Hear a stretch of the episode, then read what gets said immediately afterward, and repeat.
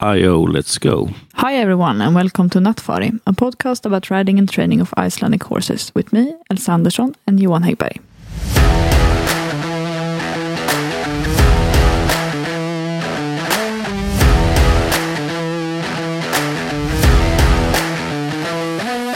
Hello, everyone, and welcome to this episode. Today, I have actually hijacked the podcast since Johan is on a very well deserved vacation. However, before he left, we recorded an episode that will follow after this. Well, this year is about to end and we have Christmas ahead of us. And I just want to take the opportunity to thank you guys for listening, subscribing, and giving us feedback. Please continue doing that. And for the next year, we will really put an effort into our English episodes so that everyone has a chance to listen, regardless of where you're from. And we are also doing more interviews, and some of them will naturally be in English our last interview, I think it was actually one of our most popular episodes this far. So we take it that you guys like it, and so more of that will follow. And as I record this, the podcast will soon reach 100,000 listeners, which is absolutely amazing. Thank you so much for that. So, once again, thank you and Merry Christmas to all of you. In this episode, we're going to talk about trot. Okay. Yeah. what do you have to say about trot? it's a two-meter gait, yeah. often with not so much suspension. Uh, we talked about Tölt uh, quite a lot, so this is one episode that will concentrate only on trot, and then we will have one episode with also canter and walk. Yep. But uh, when we talked about Tölt, we have talked a lot about that uh, Tölt has evolved very much during the years. Yeah. And uh, do you think that the same thing applies for trot? I think so. We have done a, quite a lot with how the the Icelandic horse is going in trot nowadays compared to what it did before. Mm. In general, horses are much more supple, elastic, mm. more movements, more true wideness mm. in the steps. Yeah, but you you uh, said sometime, I think it was in one of the Swedish episodes, that you are actually a Nordic champion in uh, trot riding or trot race. No, I was number three. Oh, you were number three. yeah, when I was 11 years old. You were a medalist at least. Yeah, three rounds on an oval track. Okay. No rules for boots. I had two pairs, so I, I guess I had like 500 grams on each foot. okay.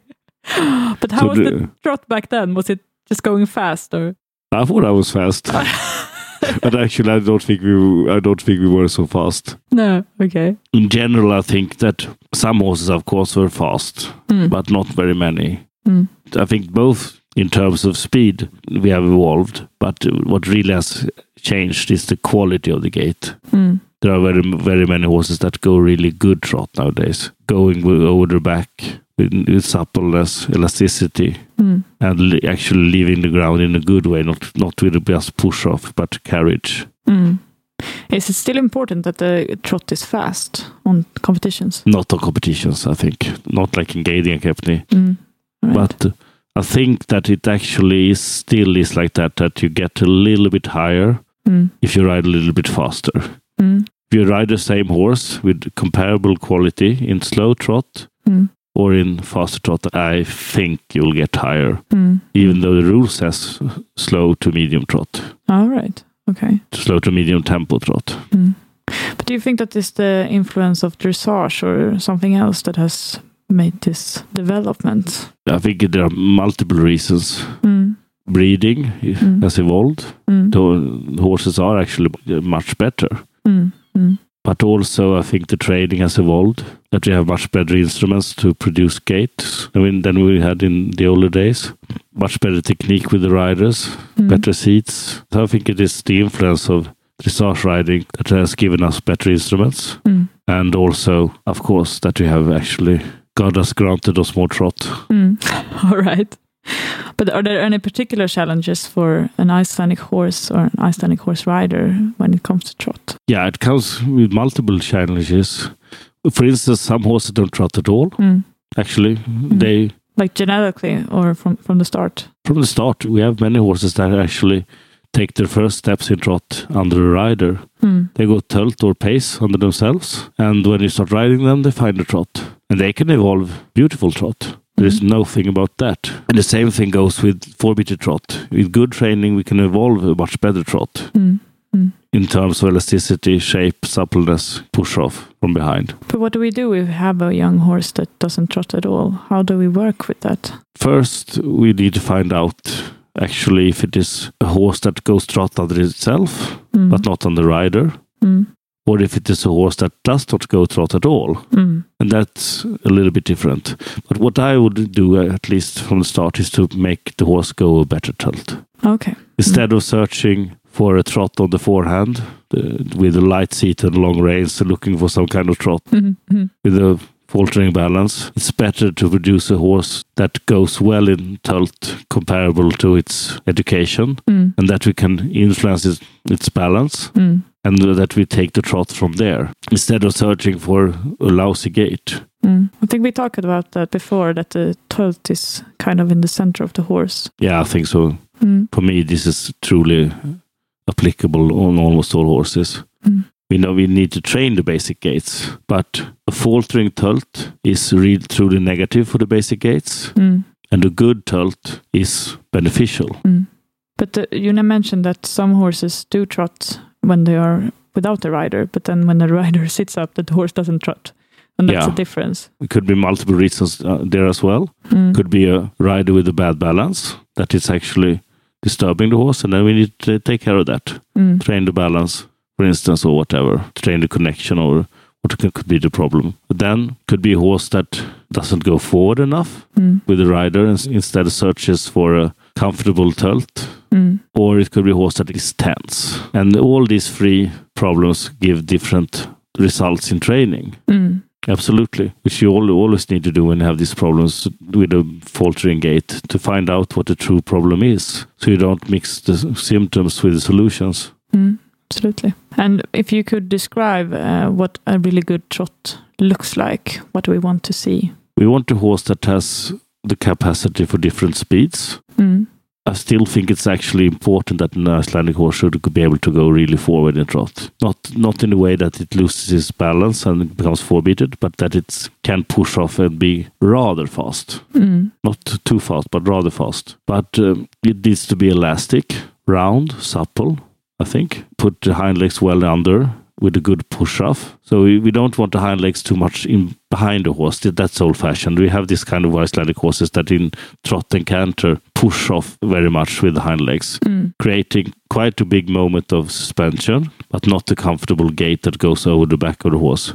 For that, we need the horse that actually has a flexion in the hind legs as well. Mm. Mm. So it goes under the hip and carries. It should be over the back. It should be high movements in front, I think. Suitably high, not so high that they disturb the forward movement, Mm. but suitably high for the movements to become beautiful. Mm. Expressive. Yeah, exactly. Mm. Uh, do you have an example?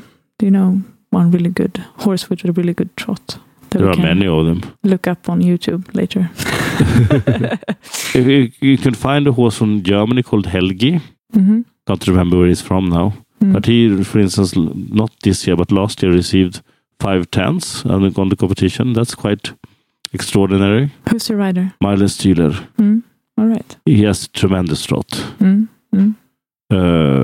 There are many horses. I just looked on one day and uh, Siggy Siggy Matt showed the horse now got 10 in the breeding show. Mm. Right. Beautiful trot, Safir, I think it was the name of the horse. Mm. I mean, there are many horses that perform really well nowadays. Mm. And uh, when you sit on a horse that performs really well in trot, how should it feel? What should be the feeling for the rider? Good question. Not too comfortable, Mm. because then it's it's a lack of impulsion in the gait. Mm. But it should also not be too uncomfortable, even if there is a lot of impulsion and that the horse leaves the ground properly. It should also be over the back.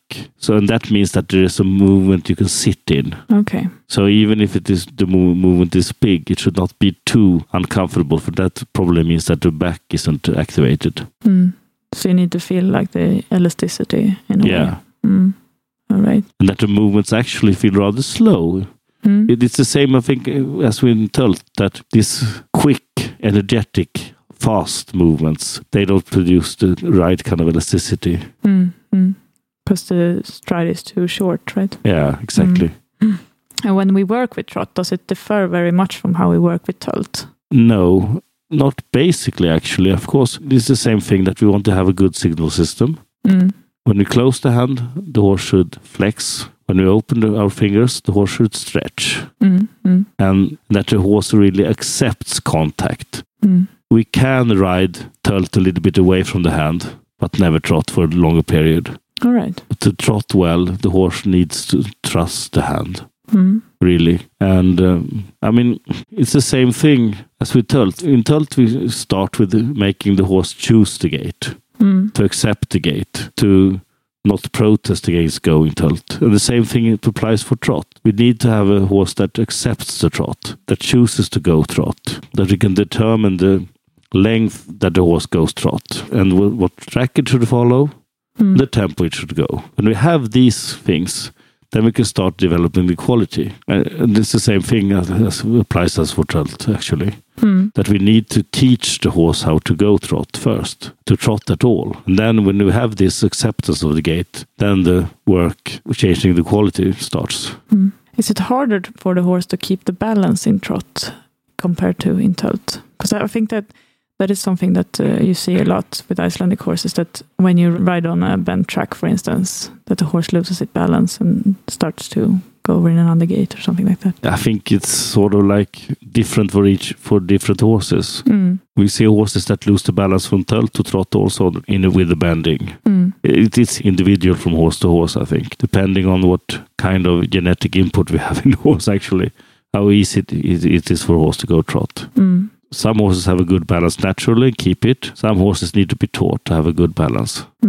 And can we work with the trot in another way than in riding? I think so. Yeah, I think it- so. I mean, uh, lunging in different kind of ways, Mm, both free and with different kind of draw reins, of course. mm. I think you mentioned sometime before that it's could be good on a horse that doesn't really find the trot to ride outside, for instance, in the forest or with some kind of help from the ground and the nature. And Yeah, absolutely. Mm, to find trot where you can get it on a horse that is unstable. If you are, for instance, uh, on uneven ground, it's actually easier for many horses to go trot. It not if it's too uneven, mm, but and, and uphill or whatever. But I mean, the basic instruments for developing the trot are in the riding. I think that the horse should accept the leg, accept the hand, and accept the seat. The problem with many riders is that we start trot away from the rider's aids. okay. How do you mean by that? I mean that many horses are taught to go trot in the way that we release them from the rein, and we release them from the legs, and we release them from the seat. With the light seat, long reins, light legs. And this often produces the result that when we want to use the aids, Mm, when we want to bring the horse into contact, we want to use the legs, or we want to use the seat, mm, the horse changes the gait. We need to learn to teach the horse to start in contact to the aids. It doesn't need to be heavy in the hand or anything, but it needs to accept the hand, mm, accept the leg, because that's the way to ensure that it keeps the gait when we start putting energy in it. okay. I think this is truly important. That we start the ho- trot from the leg, not from the absence of the leg. When we're about to start the trot from walk, for instance, how do we apply the aids in a correct way? I think we should teach the horse from the, from the beginning to stretch the reins. So it should be allowed to stretch the reins a little bit downward forward. Mm, That we rel- release the horse a little bit with our hips. We should tip the hips a little bit forward, mm, not leaving the saddle. In a, with- the tense horse, of course, this could be a, uh, of use, but the normal horse don't need more than this. Mm. Tipping the hip forward, giving the leg, allowing it to stretch the reins. mm, But that means that we have need to have taught it from the beginning that it should accept the hands, that it should flex when we close the hands and stretch when we open. mm. So the correct uh, responses to the aids is important. The Absolutely. groundwork. Mm, Especially this thinking downwards, forwards with the neck. mm, mm, It's truly, it's truly fundamental to, to have a good trot quality mm, over a longer period. And some riders prefer to sit down in trot, and some prefer the rising trot, where you sit and rise with the movements of the horse. How do you work with that, or do you do Uh, do you do that? Yeah, of course. Uh, I think it's rising trot is on most horses good in training, but could be difficult, for instance, on an Icelandic horse that has very different strength in the diagonals. Okay. most horses want to put us on one diagonal. Often it's the left, from the left hindling to the right shoulder. No, the other way around. Oh, it doesn't matter. But really, but if we're not observant, the horse wants to put us on the same diagonal at all times. Mm, And many horses, if they are weak in the trot, the result could be that when you sit down on the other, other diagonal, the horse actually breaks the trot. So this horses might be better to maybe train with a lighter seat or sitting down, or to, to be aware of that. For instance, in the competition and so on, that it could be produce different qualities in trot what hind legs we sit down on. Mm. All right. If you follow me there. Mm, yes. But do do riders um, uh, use the rising trot in, in, competitions? Or I think that before maybe it was more common that you sat down, but I think we see a little bit more of the rising trot now. Yeah, you need to be pragmatic with this. Mm. If the horse goes better trot when you ride in the rising trot, you should do it. Mm. It's not for your own comfort. And I think many people get stuck with riding rising trot because it's more comfortable. Mm. I mean, you don't see people ride rising trot in a dressage competition. No. If the horse has a strong top line, accepts your seat, accepts your legs, the general quality of the trot is often better when you sit down. But you need to prepare the strength of the top line for that. I don't think it's allowed actually to ride rising trot in dressage. No, I don't think so. No. Mm. It's meant to be that you should have come to the level that the horse accepts the seat. Mm. Mm. And there's also the forward seat. You talked about that a little bit when it comes to the tense horses. yeah, you, uh, a lighter a seat. Bit. Yes. And different lightness according to what horse you're riding. Some horses actually need the totally free seat mm. To, mm. to, trot at all. And then it's not wrong to do it. But the goal should always be to start to trot in contact from, with the leg and the hands. Mm. I think it's easy to imagine that the main point of the weight is maybe moved a little bit forward when you rise up in the saddle. Yeah, is that so? It is. Mm. And I think that one thing that is really important with the seat in trot is that it could, should be deep but never heavy. All right. Not. What's the difference? Heavy you tend to be when you sit too much back. Mm. And you also use the back of your seat more. In order for the, for the horse to be able to absorb a strong back from the rider, mm. the horse needs to be strong in the back itself. We can also see that, that many Icelandic horses have problem accepting the seat mm. of a rider that is used to riding the dressage, for instance, on normal horses, because they tend to be too strong in the in the back, sitting too heavy and too deep. We need to be more flexible and I think I've talked about that in the episode about seat and aids that we should always have, try to have a deep seat, mm. but not a too heavy. Because with a too heavy seat, we'll have horses that will falter in the elasticity of the back. Mm.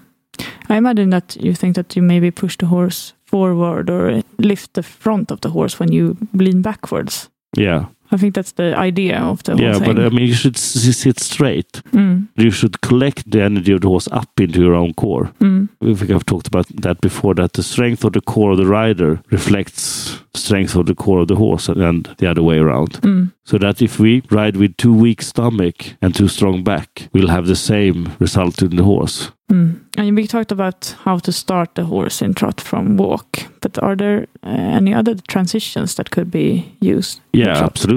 Changes between canter and trot can be beneficial for both gaits. Mm. If you have, have a horse, for instance, that is weak in the canter and thinks too much into the lateral gaits, mm. then it's good to make this horse go canter and think trot. All right. So this change can be really good. And it also often produces more impulsion in trot. Mm. But the transition that I like a lot is to change between tölt to trot to walk, back to tölt to trot again. Mm. Where we use the walk for preparing a good tölt, mm. use the tölt to have a good tölt, but also to, to take the energy from the tölt into the trot, mm. but the suppleness from trot into the tölt. Yeah, okay. If you follow me there, mm -hmm. I think that if the horse has a, have a good trot, it's easier for the horse to be elastic and supple. Mm. And not many horses have problem with tension in top line in tölt. And if you make the horse stretch in a good way in walk and trot, mm. that is often possible to bring that suppleness into tölt. Mm, right. But never from trot to tölt. That's not a good idea. I don't think that is something that we use a lot, right? No, uh, we don't see it. Mm. It used to be in the old competitions. Oh, there was. Yeah, yeah. The four gait was walk, trot, tölt, canter, fast tölt. Okay. Yeah, it was really, really horrible. Created a lot of piggy pace in the, in the beginning from. Uh, I can understand that. When did it change? Oh, I don't remember. Quite early, I think, Mm. mid 80s or something. All right. We have been talking about other exercises that could improve the tölt, the hindquarters out, the leg yielding, and the exercises like that. Is that also good for the trot? Yeah, absolutely. Mm. First, we have found the trot. Like I said, it's beneficial with all the kind of exercises that implement softness and activity. Mm. Circles, serpentines, and circles of eight, all that kind of work to improve the balance and suppleness. And the circle to make the horse stretch downward forwards and stretch the outside rein and become more elastic. It's really important. Mm. But also, I think one exercise I like, for instance, with a horse that is weak in the impulsion in trot, is to work the trot from hindquarters out. In walk or in trot? Both. Mm. And also, this could be really efficient on horses that tend to want to flee into tölt. Okay. Because if you put the hindquarters too much out for that horse, it cannot go into tölt. Okay. When so when it starts crossing the outside pair of legs with the inside, Mm. this creates a better impulsion and more elasticity, and uh, hopefully a better moment of suspension. Mm. And also, it makes it too difficult for this horse to go into tölt. So it, this is a good, really good exercise to teach the horse to start on the leg and not on the absence of leg. If we put the hindquarters out, searching for trot, allowing the horse to go forward from the inside leg when it's convenient. Mm. And also, if the horse goes back into tölt, to sweep the hindquarters outwards with the leg, producing a not so comfortable situation for the horse, and make it go into trot again. Could, could be really efficient on many horses. Mm. And another problem for some horses is that they become forebeated in the trot, so to speak. Not that they Mm. break the trot, but the trot becomes a bit lateral in a way, or they Mm. the beat. Is it the same way to work with that? I think there are many ways to work with it, but I Mm. think to take the impulsion from the tölt into the trot could be one way. That would create a round, energetic tölt. Mm. Let the horses stretch into trot could be really beneficial for these kind of horses. Mm. Also, this hindquarters out exercise that I was talking about, and also a situation where it is more convenient for the horse to go with bigger steps, like for instance using weight Mm. And where, do you, Uh, where do you put the weight? on the front legs Mm. to make it more the steps with the front leg bigger. Mm. And another fault that may occur in trot riding is that the horse starts to rolling. Yeah, What do we mean by that? that it sort of strikes off into almost canter with one front leg. Mm. And this is a lack of straightness. I was talking about it before in the connection to rising trot, that if some horses start rolling, if you sit on what they feel as the wrong hind leg, Mm. The weaker diagonal. yeah, the Mm. wicked diagonal. And often the solution against rolling is that the horse should be equally strong in the high legs Mm. and straight Mm. according to the track we go on. And that we adjust the tempo a little bit after the horse's problems. But some horses also need to be ridden through the rolling. It's the same thing as with fast tölt, that it's very easy that the horses teaches the rider to slow down as soon as it starts rolling. Okay. And this is a good way for the horse to keep the energy at the minimum. Mm. And then we sometimes need to actually ride the horse just forward for, for the leg, not bothering too much about the quality of, of the trot, but pushing it through the situation where it starts rolling Mm. to make it think more forward. Find the flow. Yeah. Mm. It's also, of course, rolling can also be rider induced. That Mhm. is because of a rider with lack of balance and lack of timing. Mm. So it's important to do an analysis there also and see what is the problem. Yeah, exactly. Mm. But uh, of course, it's always some kind of lack of straightness. Mm. And what do, would you say is the most common mistake that riders make while riding trot? I think this transition into a trot with the absence of the leg and the seat and the hand Mm. is a very common mistake. Mm. It could be, of course, necessary on some horses, Mm. but it's not a, a state that we want to stay in. No long-term solution. No, absolutely not. Mm. So it should be something that we use for a shorter period, trying to get out of it. Mm. And also, I think another common mistake is that we don't have the horse round enough. Okay. Straight in the sides, straight in the neck, Mm. which in the end creates either a flat trot with a two beat or a four beated trot. Mm. Lack of suppleness. Mm. Well, thank you very much for these clarifications about trot. Like I said earlier, we're gonna come back to the gaits in more shows to come. Hope you all stay and listen to the coming episodes. Goodbye. Bye bye.